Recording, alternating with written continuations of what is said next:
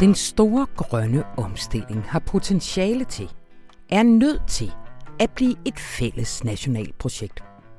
Noget vi kunne ranke ryggen ved, og som gør det muligt at se vores børn og børnebørn i øjnene. Sådan her skrev Jørgen Sten Nielsen i den her uge, da det stod klart, at vi nu har en ny regering. Juhu! En ny regering, der er forpligtet til en helt vanvittig ambitiøs klimapolitik. Med andre ord, du troede måske, at du havde gjort dit, da du havde sat dit kryds, men faktisk starter arbejdet først nu, ikke kun for Mette Frederiksen og company, men for os alle sammen. Også mig. Jeg hedder Anna von Sperling, og det her det er Radioinformation. En radioinformation special faktisk i anledning af vores nye regering. Velkommen til at hænge ved, så kommer Jørgen Sten Nielsen forbi sidst i programmet. Og Rune Lykkeberg er her naturligvis også, og det med en optur over, at det faktisk lykkedes at skabe en regering af gode gamle politiske linjer, som vor mor lavede dem, i modsætning til resten af Europa. Men allerførst så skal vi tale om det nye ministerhold.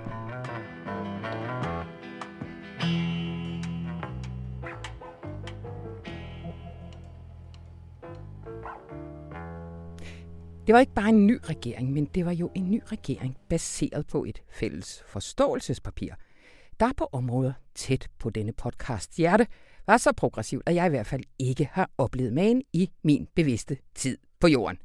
Men så, langsomt har uroen snedet sig ind på mig som sådan en koldfront fra nord, fordi mener de det virkelig, og kan de virkelig samarbejde, når det kommer til stykket, og jeg er trods alt af jysk købmandslægt. Er der råd til det? Så nu skal vi tale lidt om mine følelser. Velkommen til, Anton Geist. Tak. Og Gry Inger Reiter. Nej, det skal vi selvfølgelig ikke. Men den følelse, jeg ligesom beskriver lige nu, hmm. har jeg faktisk hørt mange omkring mig have de her seneste døgn. Kan I, kan I genkende noget af det? Eller? Altså, jeg tror, at det, man kan genkende allermest, det er den der følelse, som man måske følte i 2011, og Helle Thorning står og siger, vi gjorde det, og måske har man været en af dem, der på det tidspunkt lige havde hænderne lidt for langt op over mm, hovedet, og mm og var alt for glad, og så, og så gik der bare fire år, hvor man fik den ene skuffelse efter den anden.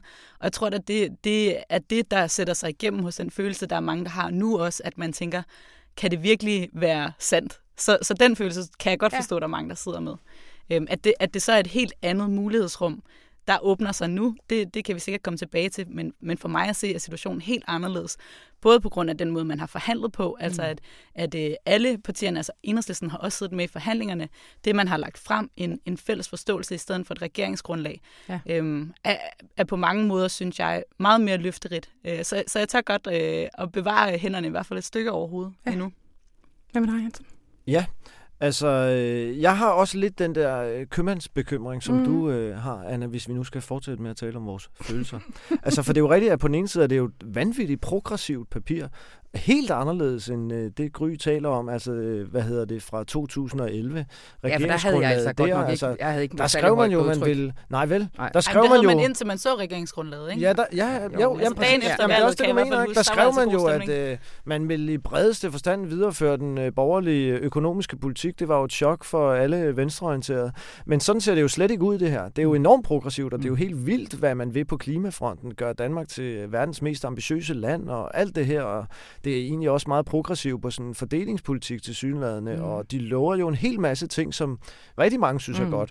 Øh, gratis psykologhjælp til yngre, og øget offentlig forbrug, og minimumsnummeringer i øh, daginstitutionerne. Mm og alt det her, og hele den her omstilling. for psykiatrien. Ja, ja, ja, ja, alt sammen. Ikke? Øh, og omstillingen kommer selvfølgelig også til at koste rigtig mange penge. Og så synes jeg bare, man må sige, det er, jeg synes faktisk, at øh, de borgerlige, sådan, øh, både politikere og kommentatorer, har ret i, at det er meget påfaldende, så fraværende øh, finansieringen er i det her papir.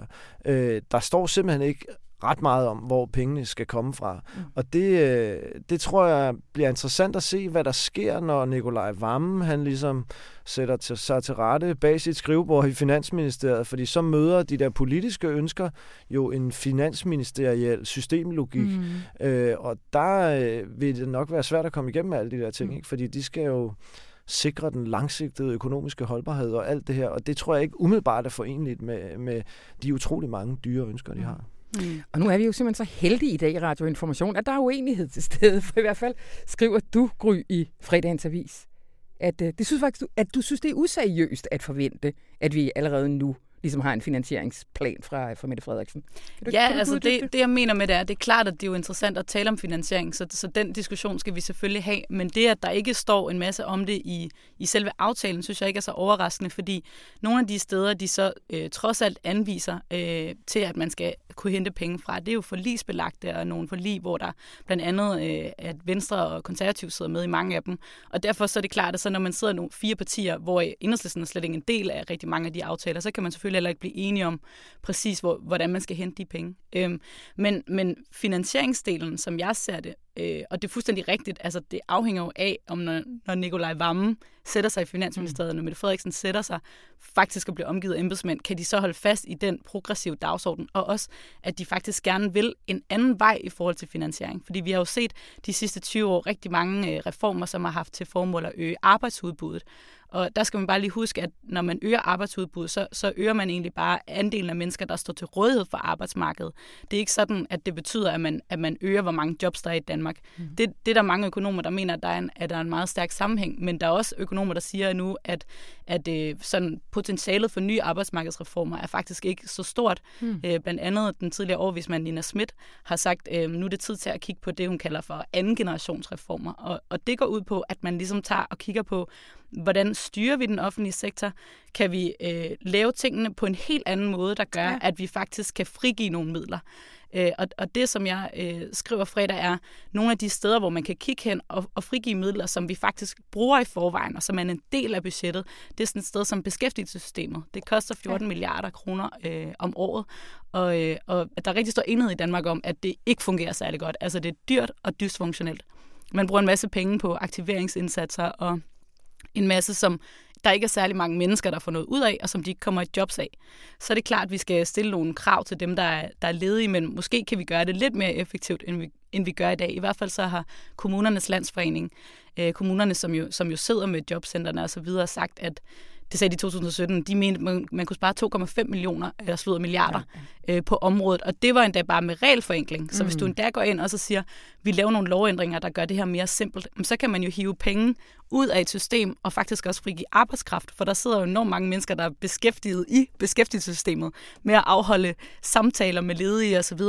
Øh, det kunne være, at nogle af dem skulle omskoles og være pædagoger. Altså, så hvis man, hvis man tør virkelig at tænke ud af boksen, mm. så er der jo masser af steder, man kan hente finansiering fra. Er der noget, der tyder på, at vi har et socialdemokrati, der virkelig tænker ud af boksen på de her områder?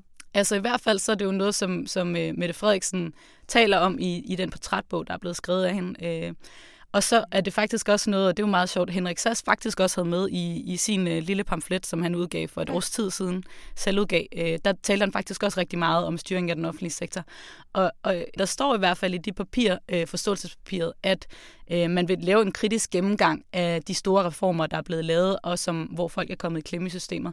Så, så for mig at se, at det er sådan relativt løfterigt, og det kræver selvfølgelig, at man også kan, uh, kan få de andre uh, partier, som er med i de reformer, med til at kigge på det. Men jeg har svært ved at forestille mig, mm. at, at Venstre ikke ville have lyst til at se på at effektivisere beskæftigelsesindsatsen, hvis de fik chancen. Ja.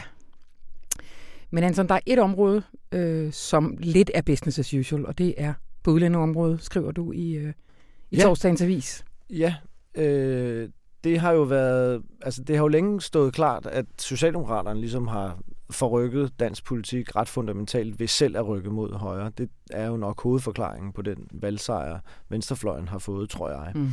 Øh, men jeg synes, det er interessant at se, at det faktisk også er lykkedes at Socialdemokraterne ligesom at rykke deres støttepartier sådan i retning af, kan man sige, måske en accept af, at man vil videreføre i brede træk øh, den udlændingepolitik, som også er blevet ført under Støjberg. Og der synes jeg, det er sjovt, at man kan sige, at nu talte vi lige før om det her med, at man Torning overtog i bredeste forstand øh, de, de borgerlige økonomiske politik. Nu kan man sige, at man overtager også i ret høj grad de borgerlige udlændingepolitik, ja. kan vi sige denne her gang. Og det forbløffende er, og det synes jeg er, er, faktisk er en slags kunststykke af Socialdemokratiet, at de har fået de radikale og SF og Enhedslisten, som jo har været meget indædte kritikere af de rigtig mange stramninger, der er blevet lavet til at acceptere det her. Fordi det er jo en reel accept, de er kommet med. Mm. De har lavet det her forståelsespapir, og der er nogle, øh, der er nogle punkter, hvor de får lavet nogle lempelser, men meget af det er relativt symbolsk, og det er ikke særlig Det er nemlig symbolsk. Jeg tænker på, når vi har beskyldt, Ja. du ved, øh, regeringen for at læfle for DF på en grænsebom og noget, der ikke Præcis. virker. Så her tænker man, folk blev så glade over nogle Ja, ja. børn i Sjælsmark, Yes. og en ø, der måske i Ja, ja, forvejen præcis, ikke det-. Ja. Og, og Morten Østergaard, som jo har haft det som sådan nogle kardinalpunkter, har jo lige præcis kritiseret symbolpolitikken, Ja. ja. og man kan måske, man kunne jo beskylde ham for selv at have fået noget symbolpolitisk retur, kan man sige. Ikke? Ja. For det er jo ikke i sig selv en lempelse, at man så skal lægge det her center et andet sted end på en ø i det sydsjællandske øhav. Hvad hedder det? Og det er heller ikke nogen lempelse af, nødvendigvis, at de her børn skal et andet sted hen. I hvert fald kan man også sige, at det er noget, den borgerlige regering også har åbnet for. Og det er formentlig også glædeligt for de her mennesker, men det er ikke nogen fundamental forandring mm. på udlændingområdet, mm. hvor man jo har strammet meget markant på familiesammenføring og udvisningsregler og statsborgerskabsregler og asylregler. Altså man har strammet hele vejen rundt, og Inger Støjberg har fejret det med kage undervejs, og Venstrefløjen har jo været meget forarvet. Men de her stramninger ruller man jo ikke tilbage. Og det er der kommet en accept af, og det synes jeg egentlig er... Jeg synes sådan set, man kan sige, at der er ret gode argumenter for det, fordi man i hvert fald potentielt har de nogle gode argumenter for det, støttepartierne. Man må vel for det første sige, at der er en meget bred øh, støtte i befolkningen yeah. til det her. Ikke? Altså, vi har Venstre, Socialdemokratiet og DF, som står for nogenlunde samme udlændingepolitik, og de har jo et bredt flertal i befolkningen. Øh, jeg synes også, at man kan sige, at alternativet var jo, at de ikke havde fået nogle små forbedringer, hvis Socialdemokratiet for eksempel havde dannet regering med Venstre. Ikke? Mm. Øh, og man kan jo også sige, at der, de har fået en ekstrem ambitiøs klimapolitik. Den kunne de jo have tabt på gulvet, hvis de havde stået meget hårdt på nogle udlændingestramninger. Ikke? Mm. Øh, og sådan er det jo. You Mm. win some, you lose some. Mm. Øh, men i hvert fald er det, er det bemærkelsesværdigt. Ja. Det synes jeg virkelig. Ja. Gry, vil du Ja, tilføje? det er jeg meget enig i. Jeg synes dog, at, at, at noget af det, som, som er mere end bare symbolsk, det er det der med, at man åbner for, at, at hvis man har en midlertidig beskyttelsesstatus som flygtning, så hvis man er i arbejde, kan man, kan man blive, og man også altså ligesom mm. på den måde siger, vi vil gerne åbne for, at hvis man lader sig integrere, men så, så er der også en plads til en i Danmark, mm. og det synes jeg er øh, en, en, en væsentlig øh, forbedring. Øh, og så er det klart, at, at hvor lige præcis øh, udrejsecenter skal ligge og så videre, det, det har måske mere mm. symbolsk Jamen, det er en væsentlig Mm. forbedring, men den er også, den er for eksempel også, der er nogle ret restriktive Mm. forbehold. Ikke? Mm. Øh, du skal være beskæftiget i en, du skal have haft et job i to år, og hvis du ikke holder fast i det job, så ryger du som udgangspunkt ud. Øh, Hvis du så formår at skifte til et tilsvarende job i en tilsvar eller i samme branche, har du muligheden for at blive. Så det vil sige, det er også en restriktiv Ja, ja, det er det. adgang Ja, ja, til at blive på de rigtigt. vilkår. Ja. Så det er ikke nødvendigvis noget, vildt mange vil kunne få glæde af. Mm. Der er jo også noget med, at nogle flygtninge kan få lov til at tage en videregående uddannelse. Og sådan. Det er jo også det, det er jeg enig i. Det er ikke bare symbolpolitik, men det er ikke noget, der er meget tungtvejende, kan man måske Mm. mm. sige. Yes, vi må videre, fordi vi fik jo også en ministerliste i dag. Vi optager det her torsdag, skal lige sige, så hvis man hører det lørdag, og der er sket en helvedes masse, så undskyld os. Men øh, der er utrolig mange ministre, og der er masser at tale om, men øh, øh, vi skal prøve lige at starte med at sige, kan I være at sige, hvilke blev I mest overrasket over? Skal vi starte med dig, Gry? Jamen, må jeg ikke starte med at sige, Jo. jeg synes, at det, det, altså, jeg lagde mærke til, at det var et meget ungt ministerhold. Altså, Ja. der er jo kun to, der er fyldt Mhm. 50. Øh, det synes jeg er markant. Ja. Øh, og, øh, og interessant. Markant, det, det er meget neutralt. Er det mere end markant? Er det, Jamen, er jeg det... synes jo som et ung menneske, at det er rigtig dejligt, kan jeg godt afsløre. Jeg synes, det er fedt, at, at man har så mange øh, folketingsmedlemmer, som har gjort det sindssygt godt i, i de første par år, de har været i, i Folketinget, og virkelig øh, været ude og forsvare de dagsordner, de har været på. Nogle ordfører, der har været super skarpe, som får øh, chancen som minister nu. Det synes jeg egentlig er, er virkelig spændende øh, og, øh, og dejligt. Jeg glæder mig til at følge. Kan du ikke tage en, Anton, for, for, øh, for de lidt ældre? De er lidt ældre. Ja, altså, et, kan du tage et perspektiv? Kan du, Jo, ja, jo, jo, en holdning? Ja, ja, kan som- du ikke sige, at du ja, synes, ja. det ville være dejligt, hvis der Jeg er som en ældre over 50? herre. Jo, jo, jo, jo. Ja. Det kunne jeg godt have tænkt mig. Det er jeg mig over. Nej, jeg vil gerne sige, hvis vi skal tale om øh, overraskelser. Ja, Så nej, men, men kan nej, vi lige, fordi hvad vi skal jeg sige? Jamen, det er fordi Gry, jeg havde tænkt mig at gemme den her til sidst. Nu tog Okay. Gry den op først. Okay. Nå, Fordi ja, er det ikke sorry. overhovedet ikke problematisk at have I en gennemsnitsalder på 41 år? Jo, det tror jeg godt, det kan være. Jeg er enig, fundamentalt enig med Gry, øh, som ja. ikke et, et ikke helt så ungt, men også relativt stadig Mm. ungt menneske, i at det er da fedt nok øh, med et ungt ministerhold. Øh, men øh, jeg tror også godt, det, det, kan, det kan skabe nogle problemer. Jeg tror egentlig nok på, at, øh, at erfaringen også er god at have, og det synes jeg da måske godt, man kunne ligefrem anskue som et slags svaghedstegn, Ja. at der ikke er så meget erfaring her. Øh, men omvendt er der jo mange, der sådan set er, har en vis rutine som minister, og også på tunge ministerposter, ministerposter. Sådan er det jo ikke. Øh, men altså, jeg synes da for eksempel, jeg tit kender det her fra avisen. Vi er mm. faktisk også en helt vildt ung ja. redaktion ja. efterhånden. Ja. Og der tænker jeg faktisk nogle gange, Øh, hold kæft, var det godt, at vi har øh, David Regling ja. og øh, Jørgen Sten Nielsen ja. og Ulrik Dalin og sådan nogle typer ja. der, som, som kan komme med nogle andre perspektiver og et andet sådan Præcis. bagkatalog. Øh, og det, øh, det kan måske også gøre sig gældende her. Jeg tror, en blanding er rigtig godt. Ja. Mm. Og så må du tage din overraskelse. Ja. Nå, men jeg, nej, men altså, jeg synes, at der er flere overraskelser. Ja. Jeg synes for eksempel, det var helt besynderligt, at uh, Mogens Jensen, som alle troede blev kulturminister, han nu mhm. skal være fødevareminister og fiskeriminister, og, den her, og have det her underlige samsur med et ministerium, hvor man også bibeholder ligestilling som en ja. del af det, hvad jo er meget mærkeligt.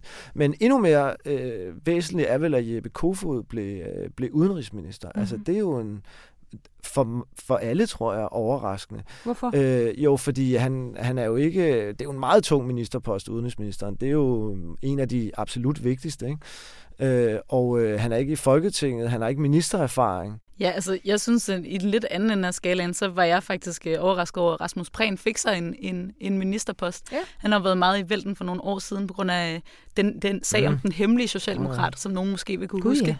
Ja, øh, og og øh, der var en del... Han fik gjort sig lidt upopulær på det tidspunkt, øh, så, så jeg synes, det var overraskende at se ham som, som minister bolig? for udviklingssamarbejde. Nå, det udviklingssamarbejde. Ja, ja, og så derudover, så havde der jo været meget snak om Joy Mogensen, som, som er borgmester i Roskilde. Ville hun få en ministerpost eller ej? Fordi nu er det jo sådan, at hun er lige blevet mor, øh, og, og egentlig mor. Mm. Og, og på vej på barsel, og, og vil hun så blive der. Det bliver hun så, og det synes jeg egentlig også var overraskende. Mm. Jeg, jeg troede faktisk, at hun ville blive sprunget over øh, af den grund måske. Ja. Øhm, og så, så synes jeg, at der Men jeg nogle... ved øh, op fra min øh, kulturgang, at de jo sidder og prøver at indhente kommentarer nu på Joy, og mm. folk er jo begejstrede. Ja, altså ja. alle, der i eksempel Roskildes ja. kulturliv har haft at gøre med en, siger ja. jo, hun er det bedste, der ja, er sket for Roskilde. Ja, ja. Og sådan ja. Altså, mm-hmm. Så det der med at... Altså, Jamen, jeg er sikker på, måske nok gøre det super godt. Det er slet ikke det. det der med ja, ja. at gøre med institutioner ja. og bygge kultursamarbejde op ja. og sådan noget. Ikke? Er, der, er der nogen af dem, I synes sådan, uh, det er risikabelt? Jeg vil egentlig hellere pege på, hvem jeg synes er virkelig spændende, og jeg glæder mig til at følge. Det gør jeg bagefter. Nå. Jeg vil godt sige noget andet. Der er ingen, der vil svare på dine spørgsmål, Anna, men vi vil gerne sige nogle andre ting. Jeg kom til at tænke på, Trine Bremsen skal være ja. forsvarsminister. Ja.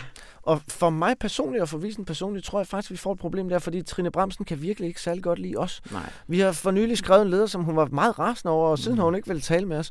Og Forsvarsministeriet kan heller ikke lide os. De har, ikke, øh, de har synes jeg, ikke været ret søde til at det vende tilbage på vores storm. forspørgseler ja. i mange år, faktisk. Ja. Jeg tror lige siden vi skrev om Snowden-papirerne. Og øh, nu har vi så samlet Trine Bremsen og Forsvarsministeriets departement, og der tror jeg simpelthen, det bliver fuldkommen totalt lukket land vi for os. Vi må håbe, der det slet ikke sker jeg. noget på det område ja, overhovedet det de næste fire år. Ja. Trine og, Bremsen nu ja. med hård ved tung artilleri. Og... Præcis. Ja. For øvrigt tænker jeg egentlig, at det for sådan en ny minister, er det, det er noget af et ministerium at få, øh, fordi at øh, om noget, at de er jo kendt for ikke at få lige for orienteret deres minister ordentligt, og ikke lige få sagt tingene. Der har jo været så vildt mange skandaler mm. i det ministerium. Øh, for nylig nogle habilitetssager, og tidligere alle mulige sager om misinformation af Folketinget, og arabisk oversættelser af, af dit og datten. Ikke? Der har været mange rigtig grimme sager mm. i det mm, ministerium, mm. som hun nu skal stå i spidsen for. Mm. Du vil godt sige, hvad du glæder dig mest til. Ja, det altså jeg synes bedste. jo blandt andet Pernille rosenkrantz teil som mm. er blevet børne- og undervisningsminister, hun sidder jo på et område, som er blevet enormt profileret øh, i den her valgperiode, og det er hende, der skal gennemføre det her øh, med minimumsnummeringerne, som var et af de folkelige krav, der blev rejst. Øh, det glæder mig enormt meget til at følge. Øh, Pernille rosenkrantz er en, meget dygtig politiker, men øh, har jo ikke været minister før, mm. så, det, så det bliver rigtig spændende. Så Hvad synes er jeg, det egentlig med de der minimumsnummeringer? Hvad står der i aftalepapiret? Fordi der, jamen, der står, altså det der er af aftalen er, at man skal lave øh, en aftale om minimumsnummeringer, som kan være indfaset i 2025. Og grund til, at det først bliver 2025, er fordi, der skal uddannes en hel del flere pædagoger, mm. end vi har i dag, for at det kan lade sig gøre og skabe den her ratio, der hedder øh, hvad den hedder, tre vuggestuebørn per voksen og seks børnehavebørn per voksen. Så mange pædagoger har vi slet ikke, som det er nu. Og, og derfor er der ligesom en erkendelse af, at det er ikke noget, vi kan gøre øh, i morgen.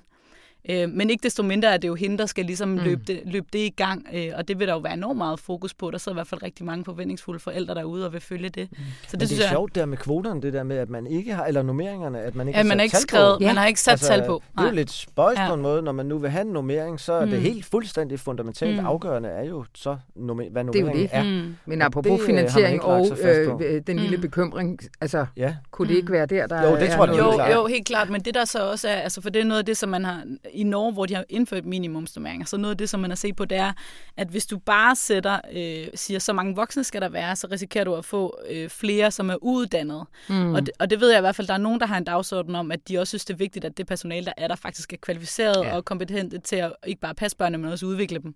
Og, og der kan man risikere, at de to ting ligesom øh, kolliderer, altså ønsket om at have mange voksne, og også at have voksne, som mm. er uddannede, og som jo derfor også er dyre personale at have.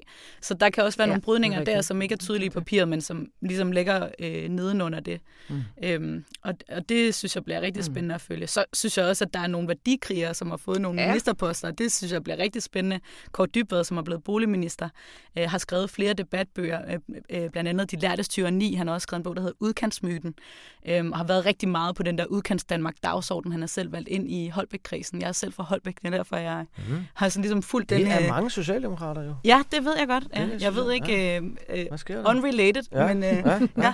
Øh, det, det synes jeg, det bliver mm. enormt spændende at følge, hvad, hvordan han kan ligesom politisere boligpolitikken også, for ja. det må man sige, den har ligget ret stille, i hvert fald øh, under forrige regering. Så det der med at sige, øh, den måde vi bor på, øh, betyder enormt meget for integration, betyder noget for samlingskraft. Og, og, som har været ret dødt på venstrefløjen ja, i rigtig mange år. Ja, og det tror jeg faktisk, at, at Kort Dybvad ligesom ja. kan, kan løfte, og det, det, det er jeg spændt på at se, hvordan øh, at han vil gøre. Og så Anton Mathias Tesfaye. Ja, øh, jeg tror, at han har den lidt omvendte opgave af Kåre Dybvad, hvor jeg tror, det er helt rigtigt, når Gry siger, at Kåre Dybvad må jo forventes at vil politisere mm-hmm. det her mhm, område. Mm-hmm. Så mhm. tror jeg, at Tesfaye har den omvendte opgave. Han ja. skal afpolitisere det her område. Ja. Det skal jo helst ikke være genstand for alt for meget politisk debat, fordi det er jo ligesom det, der har ødelagt uh, tingene for Socialdemokraterne i 20 år. Ikke? Ja, det er så det, de har ja. jo været i gang med de sidste mange år, det er jo at prøve at få det et sted hen, hvor der ikke er så stor politisk debat her. Og det ikke er det evige angrebspunkt fra højrefløjen. Så Tesfaye skal have det til at køre simpelthen. Mm. Ikke? Han skal sørge for, at der ikke er så meget opmærksomhed omkring det. Og det tror jeg egentlig, han vil være dygtig til. Altså han er jo en øh, mand, som har sat sig meget, meget grundigt ind i det. Han har skrevet en ret tyk og på mange måder, synes jeg, god bog mm. om det øh, for et års tid siden, øh, og har været ordfører og ved virkelig, hvad han taler om. Og jeg tror, at han vil være en dygtig sådan forvalter faktisk på det her område, selvom han ikke har ministererfaring. Og det, øh, det er det, han skal. Han skal forvalte dygtigt og smooth og prøve at undgå alt for meget opmærksomhed, tror jeg. Mm. Tusind tak, medmindre I råber op. Nej, nej, nej, vi har glemt den vigtigste. Nej, nej, det gør I ikke. Så vil jeg sige tusind tak. Selv tak. Selv tak, Anna. Reiter og Anton Geist, henholdsvis debatredaktør og indlandsredaktør.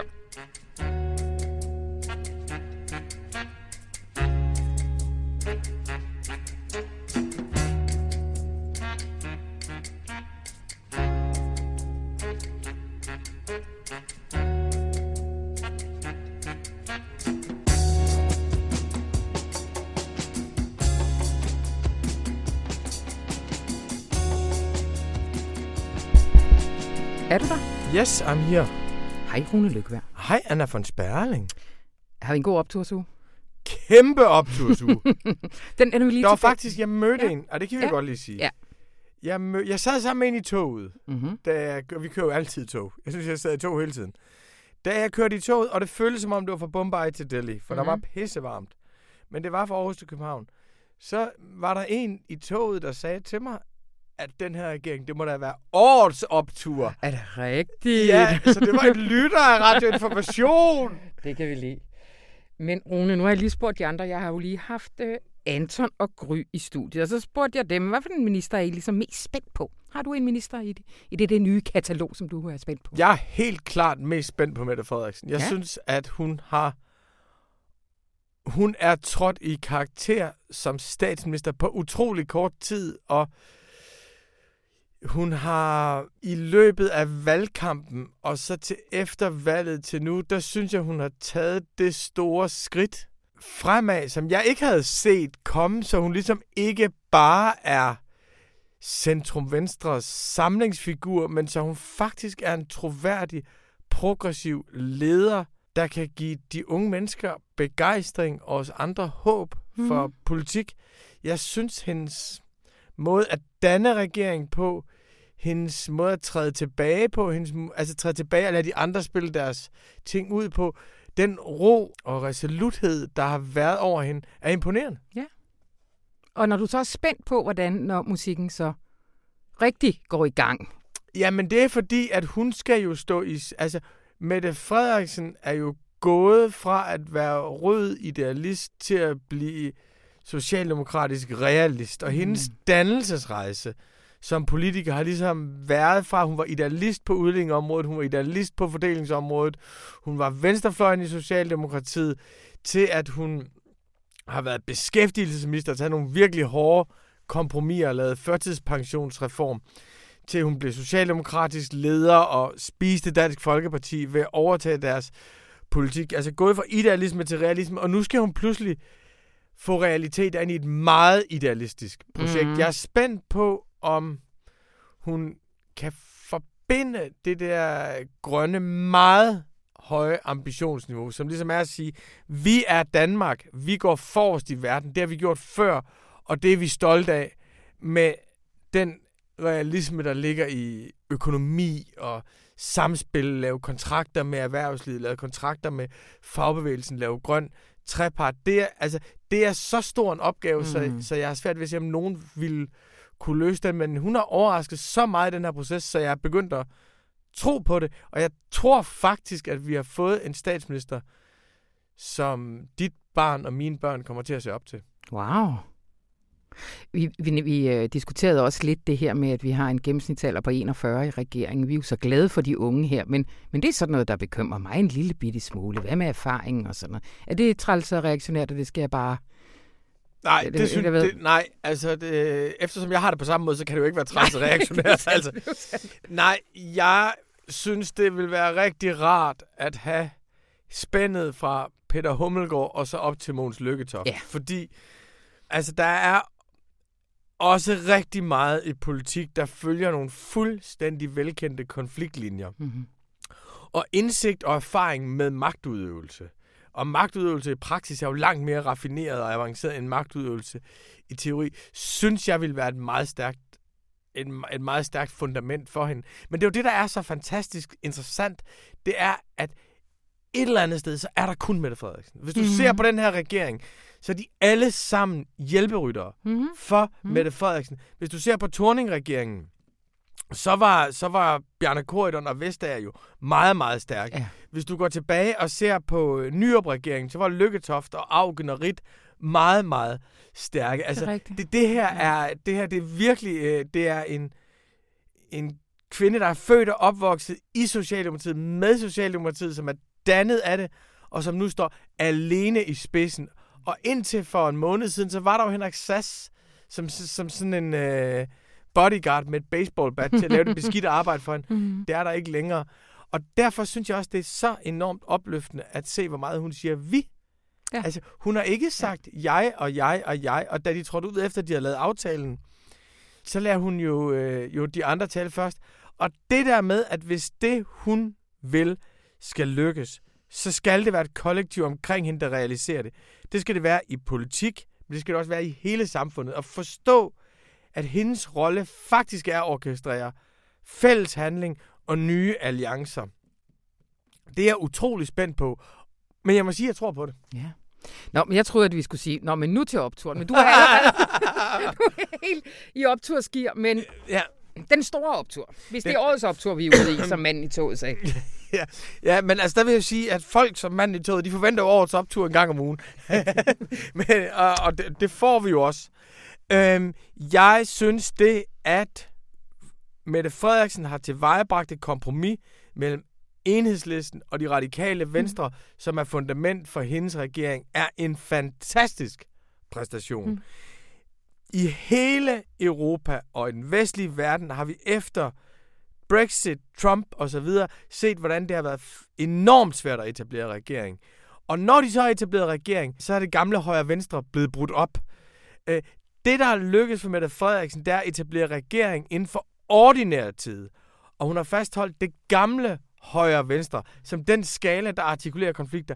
Jeg kan ikke komme på nogen andre regeringer i den vestlige verden, der har formået det i de sidste 3-4 år. Jeg kan Mhm. godt se, at man har været i nærheden af det i Norge, man har været i nærheden af det i Spanien, men det er med langt svagere mandater. Mm. Og det er faktisk i en turbulent, tumultuarisk, parlamentarisk tid, der er det lykkedes med det Frederiksen at samle noget, der har været splittet i, øh, i mange år, til et enormt offensivt udgangspunkt.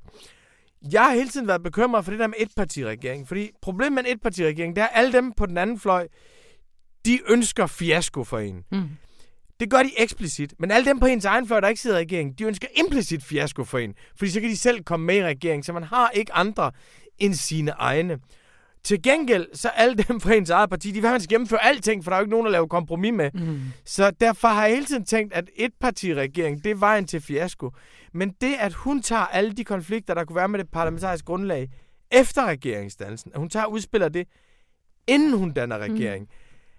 og skaber en forståelse blandt dem, og jo et ansvar mm. blandt dem. Altså, de kom faktisk ud tirsdag nat, Skipper, Dyr og Østergaard, og jublede på samme tid over det samme. Ja. Dem, der kunne være kommet op og slås i en hel regeringsperiode, de kom ud og jublede på samme tid, og de påtager sig et ansvar for det, hun skal i gang med. Det er først at have så voldsomt et ambitionsniveau at sige, at Danmark skal gå forrest i verden, og efterfølgende skabe sig et politisk fundament for det. Det synes jeg er en fantastisk præstation af Mette Frederiksen. Og nu har jeg bare lyst til at slutte det her med at sige, det er optur, ikke? Og så sidder der sådan, der er sådan nogle journalistiske djævle og engle på mine skuldre lige nu, ikke? Fordi det virkelig kedelige journalistspørgsmål er jo, men kan det holde? Jeg tror, man skal sige det på den her måde.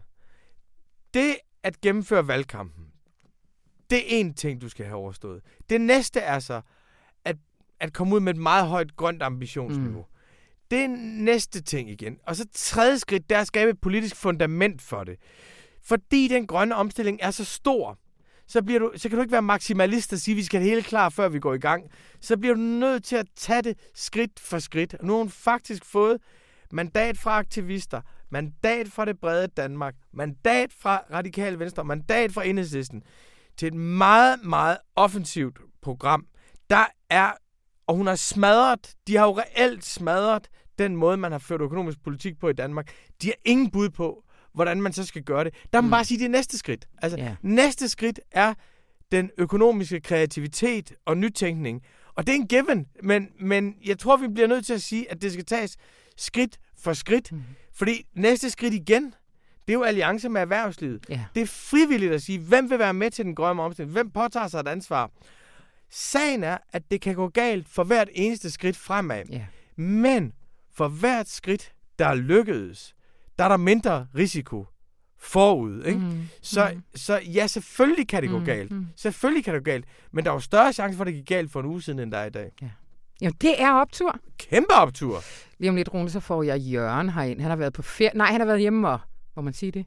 Ja, ja. Skrive en bog? Ja, ja. ja, ja, ja. Vi, får en, vi får en bog til ham fra, øh, fra Jørgens hånd lige om lidt. Men nu er han lige på redaktionen i de her dage, så han kommer i studiet lige om lidt. Er der et eller andet, øh, jeg skal spørge ham om, synes du? Ja, jeg vil, hvis jeg vil spørge Jørgen om, at nu har Jørgen, vores elskede, beundrede, aktivistiske Jørgen, han har kæmpet alene i mange år, og måske 20-25 år har han stået alene Hmm. og sagt de ting, at folk har kaldt ham for ozon Jørgen og kedelige Jørgen, og jorden går under Jørgen og skammer Jørgen, og vi må da ikke have det sjovt, når Jørgen er her. Alt det, han har stået alene med, Mm. det er nu blevet en regeringsambition. Mm. Altså, med et par mellemled, så er det jo Jørgen, der har skrevet den her, den her regeringsforståelsespapir. Jeg, altså, hvis jeg var dig, så, så ville jeg spørge ham om, hvordan det er at se ens vildeste drømme og vildeste krav blive til forståelsespapir for en ny regering. Det gør jeg. Tusind tak, Rune Lykkeberg. Det er meget, takker.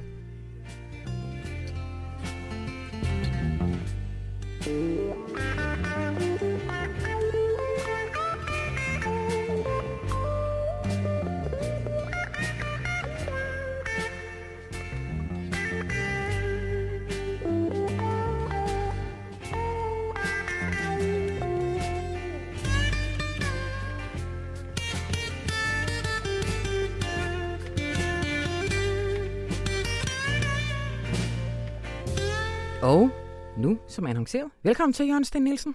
Tak. Det er længe siden, vi har set dig. ja. Jeg kom altså, øh, Rune og jeg kom til at afsløre i vores lille indslag, at du er hjemme og skrive på en bog. Nå for søren. Ja. Det, det må jeg så hellere gå hjem og gøre. er det ikke rigtigt? Noget i den retning. Noget i den retning. Godt. Men Jørgen, nu har jeg haft en masse generalister i studiet. Du får ikke selv lov til at vælge dine ministre. Skal vi ikke lige starte klimaminister, Mm, Dan Jørgensen. ja, Dan Jannik Jørgensen, ved ja, jeg. ja. Hvad er det for et valg? Jamen, det er et meget klogt, øh, kompetent valg. Altså, Dan Jørgensen er jo en mand, som har fulgt det her i overvis, altså fra sin, fra sin øh, barndom i virkeligheden, mm, i form af optagethed af naturen. Ja. Og som jo har Svend Augen som sin, øh, både sit forbillede og sin øh, næster. Dan Jørgensens miljøengagement er inspireret af Svend Augens arbejde som miljøminister, energiminister. Ja. Dan Jørgensen har skrevet spændende bøger om det her. Han har arbejdet på europæisk plan med det. Øhm, han har været tæt på som fødevareminister. Så jeg tror ikke, man i det parti kan finde nogen med, med større kompetence og også med så stor ilhu omkring faktisk at præstere noget, som, som ham de har valgt. Og det er vel det, han altid har drømt om, eller er det, det, ikke det, der, det, han tror jeg. Det tror jeg. Øhm, Han er også en øh, politisk realist og pragmatiker, som ved, at, at man, man må gøre ting for at få resultater. Øhm, han har haft en periode som, som øh, integrationsordfører, hvor han har sagt ting på sit partis vegne, som overraskede nogen, Ja. øh, hvis ikke ligefrem skuffede nogen. Ikke? Og det er måske et vidnesbyrd om, at han, han ved, hvad politik er for en hård business, og at man, som han ser det, må, må indordne sig for at få resultater. Ikke? Ja. Øhm, og det er måske ikke en dårlig egenskab at have, når man skal forvalte det her område. Det er vel også sådan en EU-erfaring. Jeg kan huske, at han fik, øh, var meget central i det der med REACH. Præcis. Hele den der kemi, øh, Kemilovgivning, lovgivning i, i EU, som Ja. vel også har været togtrækkerier i overvis ja. mellem forskellige interesser. Bestemt, ja. Må få en lidt mere, for mig overraskende, Miljøminister Lea Werdelin. Hvem er hun? Jamen, hun er en øh, ung, ambitiøs og dygtig socialdemokrat, som, som har siddet i Miljøudvalget og har været øh, meget optaget af, af de her emner. Jeg må også sige, at jeg kender ikke så meget til hende, som jeg kender til Dan Jørgensen, men, men, men det er også, tror jeg, et, et lovende valg, øh, fordi der er altså ærlig optagethed af det her emne og ambitioner om at, at flytte det. Vel også øh, lige netop på miljøet, altså nu har vi klima, øh, Ja. men miljøet, nogle nye ting på programmet for den her regering. Ja, altså man, man har nogle målsætninger om at fordoble det økologiske areal og forbruget af økologiske fødevarer. Ja. Øh, Man har også visioner om altså en bredere grøn omstilling, en cirkulær økonomi, som er, skal jeg helt sige, en enorm vanskelig proces. Altså at stille hele vores øh, produktionssystem om til at være baseret på genbrug af råstofferne frem for affald. Det, det, er en tung proces, men den er hammerende vigtig, for det er den, der handler om bæredygtighed på alle andre områder end lige klimaet. Ikke? Ja. Så der får hun nok at se til den nye miljøminister. Og så var der noget, der tyder på, øh, i hvert fald også i, øh, i hvad hedder det, formandsdebatterne, at der kunne være bred enighed om for eksempel at lægge noget mere landbrugsjord ud til natur. At det kunne være en af de Ja, lavt hængende, også politisk ja. lavt hængende frugter. ja lavthængende, altså det, det er et rigtig godt øh, øh, virkemiddel, når, vi- når vi skal gøre noget for, for klimaet og for naturen i øvrigt. Men det er også svært. Altså den, den forrige regering, som jo også roste tanken, Mm. Lagde op til, at øh, det her skal gøres frivilligt og mod en, en, en kompensation til de enkelte landmænd. Ja. Selvfølgelig skal de kompenseres, hvis de skal opgive noget jord, men, men hvis man baserer det på, at den enkelte landmand skal have lyst til at afgive noget jord, øh, så har det lange udsigter. Ja. Så, så vi mangler bestemt øh, virkemidlerne til at gennemføre det her, som er et godt forslag, men som også er politisk sværere, end man skulle tro at få virkelig gjort.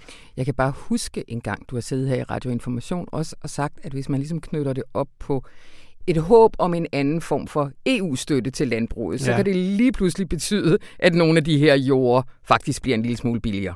Ja, Altså hvis man ikke kan tjene så mange EU-støttekroner på at have nogle jorder, ja. Der stort set ikke producerer noget. Men det illustrerer så også, hvor stor udfordringen er, ja. fordi det at kunne give støtte på en anden måde handler om rammerne for EU's kommende landbrugspolitik, som er inde i årlange, meget svære forhandlinger og slagsmål mellem landene. Ikke? Ja. Så vi skal have lov til at EU i højere grad end i dag at give landbrugsstøtten efter, om de tjener miljøet og klimaet. Men Jørgen, det store er jo ambitionen om, om 70 procent reduktion af drivhusgasser. Kan du ikke lige fortælle helt konkret, hvad er det, der står i det her politiske forståelsespapir? Jo. Der står, at man vil øh, fremsætte forslag til en klimalov, som øh, definerer de danske mål på det her område. Og den skal følges op af en klimahandlingsplan, som så beskriver, hvordan gør vi det så i praksis. Mm-hmm. Og klimaloven skal indeholde et forpligtende mål om det du nævner, 70% reduktion af de danske drivhusgasudledninger, ikke bare CO2, men alle drivhusgasudledninger i 2030, det vil sige om godt 10 år fra nu. Og, og for ligesom at forstå, hvor ambitiøst det er, så kan man sammenholde det med, at vi siden 1990 har reduceret udledningerne med 34 procent. Det vil sige halvdelen af vejen til 70 cirka. Øh, og vi har 10 år, nemlig til 2030, til at passere den anden halvdel. Ja.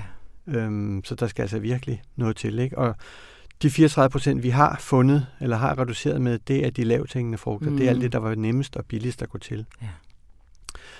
Så står der i, i forståelsespapiret, at, at det her skal følges op en gang om året, hvor man ligesom øh, vurderer, er vi på rette spor, eller er vi nødt til at stramme op på, på virkemidlerne.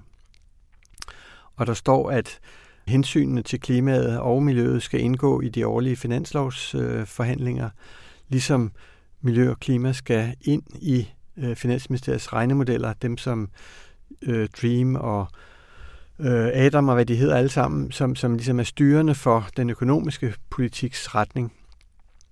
Det er et arbejde, som, som nogen har længe forsøgt ligesom at ja. få i gang, og som så småt er i gang, men nu er det altså regeringspolitik, at det skal være en integreret del, at miljøet er med i regnemodellerne. Mm. Det er også et vigtigt skridt fremad. Mm. Men nu sagde du lige før, det kommer til at kræve virkelig meget. Hvad kommer det til at kræve? Det kommer til at kræve nogle investeringer. Øh, nogle siger, at det her bliver frygteligt dyrt, øh, ja. og jeg synes, det er en forkert måde at tale om det på, fordi det er jo, det er jo penge, som engang kommer tilbage. Det er en investering i fremtiden. Hmm. En investering i vores børns fremtid, kan man sige. Ikke? Ligesom når vi investerer i, i veje, i hospitaler og alt muligt andet. Ja. Øh, det gør vi, fordi det, det kommer samfundet til gavn. Så at bare, bare at sige, at det er frygteligt dyrt, er en forkert måde at tale om det på. Vi ved faktisk ikke, hvor dyrt, altså hvor store investeringer der skal til, det er der ikke regnet på endnu. Mm. Men det er klart, at der skal findes nogle penge, som skal op af lommen nu, og som først senere kommer tilbage. Det er jo selvfølgelig en politisk udfordring at finde dem. Ja. Og da der også er ønsker om en masse velfærdsløft fra de fire partier bag regeringen, jamen så skal der alt i alt findes ret mange penge, og det, der er man ikke nået så langt i beskrivelsen af, hvordan man gør tingene. Så, så det er en stor, vanskelig udfordring for regeringen og dens støttepartier. Koster det hele penge, eller er der også noget af det, som koster vilje og mod og, øh, hvad skal man sige? Ja, det er nemlig ikke kun penge. Nej. Altså, det er også... Man skal overbevise erhvervslivet om, at, at nu kan de være trygge ved, at der er lagt en, en kurs, som bliver fastholdt, hvorfor det er fornuftigt, at virksomheder investerer i den her omstilling. Ikke? Så længe virksomheder er usikre på kursen og viljen, så tør de ikke investere. Så, så, så der skal ligesom sendes signaler, som får vores erhvervsliv til at være med på det her. Mm. Øh, nok så vigtigt er det i virkeligheden, at det embedsapparat, som de nye minister overtager, at det også skal være indstillet på, at øh, det her er faktisk en, en ny politik. Altså, ja, ja. Der er meget traditionel tænkning i, ja. i Finansministeriet og andre ministerier, som vil rent per rygmarv modarbejde noget af det her, fordi det er en, en vanskelig, ukendt ny politik. Ved du, Jørgen, jeg, havde, jeg var i Nordjylland her forleden dag, og så var der så mørkt og så stille, at så får jeg altid sådan nogle vilde drømme. Så havde jeg, så er man lidt kedelig, jeg havde en drøm, altså en nattedrøm, mm. om, at det hed Klima- og Finansministeriet. Ja. Altså, og det er jo et eller andet sted, altså det vågnede jeg og grinede lidt af, og det hed selvfølgelig øh, stadigvæk klima og energi og forsyning, så der er noget samtænkning, men skulle det være ja. på en eller anden måde endnu mere radikalt? Det foreslog på et tidspunkt jo øh, Alternativet, at vi lavede sådan et superministerium, Nå, okay. så, som var det grønne superministerium. Ikke? Ja. Og hvis jeg ikke husker forkert, så har Svend Augen øh, på et tidspunkt talt for det samme. Jeg tror altså omkring øh, hans tiltræden på, på den der miljøministerpost. Altså i hvert fald en, en forestilling om, at Miljøministeriet i virkeligheden var et overministerium for de andre. Ja. Det ligger også ikke i kortene nu, men, men, men det er måske måden, at vi skal tænke på det her, at det her med miljø, klima, bæredygtighed, ikke er et politikområde som alle andre. Det er selve bagtæppet for al anden politikformulering. Ikke? Det er det nye, øh, hvad skal vi sige, øh, den nye grundlæggende selvforståelse, øh, som, som al politik skal formuleres ud fra. Men det er så mange ting på samme tid, der ligesom ja. skal gå op nu. Og det er jo helt, det, altså det er jo lige fra, hvad der sker inde i vores hoveder, hvilke ja. værdier, der, der bestemmer, hvordan vi forbruger, til, øh, hvad skal vi sige, virksomhedernes valg af bolde og skruer og møtrikker. Altså, mm. plus den økonomiske politik, øh, afgifter, eller hvad søren de nu vil gøre for at finansiere det her. Ja. Det er altså en, en omstilling formentlig større, end de selv har, har forstået. Mm. Men gudskelov har de sat den på papir nu, ikke? Så, ja. så de ligesom binder sig til masten, og vi andre har noget at, at holde op for næsen af dem, hvis ikke de, de lever op til det. Hvis man skal være helt konkret øh, på det, hvilke sådan umiddelbart sektorer eller sådan noget vil man kunne hente de første procent hjem? Vi er jo allerede nået rigtig langt i energisektoren, ja. specielt elsektoren, så, så man kan sige, at om få år er der ikke så meget mere at hente der, fordi der har vi omstillet hele vores elproduktion til sol og vind og biogas. Mm. Så det, der er tilbage, øh, og hvor det ikke går så godt, det er landbruget, og det er transportsektoren, og det er også til dels boligmassen, altså isoleringsgraden i vores boliger for eksempel. Øhm, og landbrugsområdet er vanskeligt. Det er jo ikke sådan, at man som i elsektoren bare kan skifte fra en teknologi til en anden. Det er nemt at skrotte et kulkraftværk og bygge nogle vindmøller. Øh, ja. Forholdsvis nemt. Ja. Ja. Øh, det er meget vanskeligt at finde ud af, hvordan bliver et landbrug øh, CO2-neutralt. Ja. Man kan ikke du kan godt sige, fjern nogle køer og indsætte nogle gulerødder i stedet for. Det er nok en del af svaret at mm. stille om. Men, men det er sådan nogle mere fundamentale og også komplekse forandringer, der skal til. Øh, og, og afsættet er jo, at landbrugets CO2-udledninger er steget siden 2011, så man altså, selvom man taler om sin store indsats, så er man altså på den gale kurs. Ja. Det bliver svært, men, men også vigtigt, fordi landbruget fylder mere og mere i det samlede billede. Ja. Og det samme med transportsektoren, hvor vi øh, på, på nogle områder kender løsningerne, altså elbiler i stedet for fossilbiler typisk, men, men hvor det også bliver svært at få, få det gjort hurtigt nok. Ikke? Ja. Du har forsiden onsdag, Jørgen, hvor du skriver, at det her det kræver en, det er som en fælles indsats. Altså, bolden er også smidt over til os her fra den nye regering. Kan du ikke sige lidt mere om det? Jo, altså, det er jo meget nemt at sige, yes, nu har vi en regering, som har sagt det rigtige, og nu øh, presser vi dem fra nu af, til de har leveret. Ja. Øh, men de kan jo ikke gøre det alene. De kan slet ikke gøre det alene. Hvis ikke erhvervslivet stiller produktionen om, hvis ikke vi som forbrugere ændrer vores øh, vaner og vores forbrugsmønstre, øh, hvis ikke finanssektoren får nogle nye øh, værdier og, og rammebetingelser, jamen så klarer vi ikke det her. Det, mm. det er det er ikke bare øh, politik, det er også adfærd, det er også øh, teknik, mekanik, øh, virksomhedsdrift, det handler om. Så jeg synes jo, det vil være rigtig flot, hvis vi kan opleve det her som hvad skal jeg sige, et nyt nationalt samlingsprojekt, som, som der kan være meget stolthed forbundet med at, at tage på sig. Ikke? Mm. At øh, her har vi endelig om sider noget, som måske kan samle den her splittede nation. Og hvis det lykkes, altså gøre tilværelsen meget nemmere på sigt, fordi vi får hvad skal vi sige, mindsket eller elimineret nogle af de sådan helt grundlæggende trusler mod den samfundsform og livsform, vi har i dag. Hmm. Det er hermed givet videre. Og Jørgen, lige før jeg slipper dig, så spurgte jeg lige Rune, hvad øh, han synes, jeg skulle spørge dig om. Og så sagde han, gider du ikke spørge Jørgen, hvordan det egentlig opleves, når det, man har arbejdet for i så mange år, lige pludselig bliver et regeringsgrundlag? Altså, udenbart så opleves det sådan, øh, at man bliver grebet af eufori, mm. øhm, og det er der god grund til. Altså, mm. det, er, enormt flot det her. Der er altså meget ros til dem, der har stået bag det her. Og det er ubetinget. Ja. Men, men øh, efter, lige efter det kommer det her med, det bliver godt nok svært, og nu skal ja. vi altså passe på, at vi ikke bilder os ind, at vi er i mål. Vi er absolut ikke i mål. Nu ved vi, hvad vej vi vil gå, og nu kommer alt det hårde arbejde. Så, ja. så det er ligesom øh, eftertanken, der melder sig. Men giver det dig energi på, at vi også for eksempel, altså du som klimamedarbejder og os som avis, ligesom er med i det arbejde her? Bestemt. Altså, ja. Man vidste jo ikke fra starten, hvor lang tid det skulle tage, men, men, øh, men at, at se det komme her til, det er enormt flot. Det er herligt. Tusind tak, Jørgen Sten Nielsen. Ja, tak.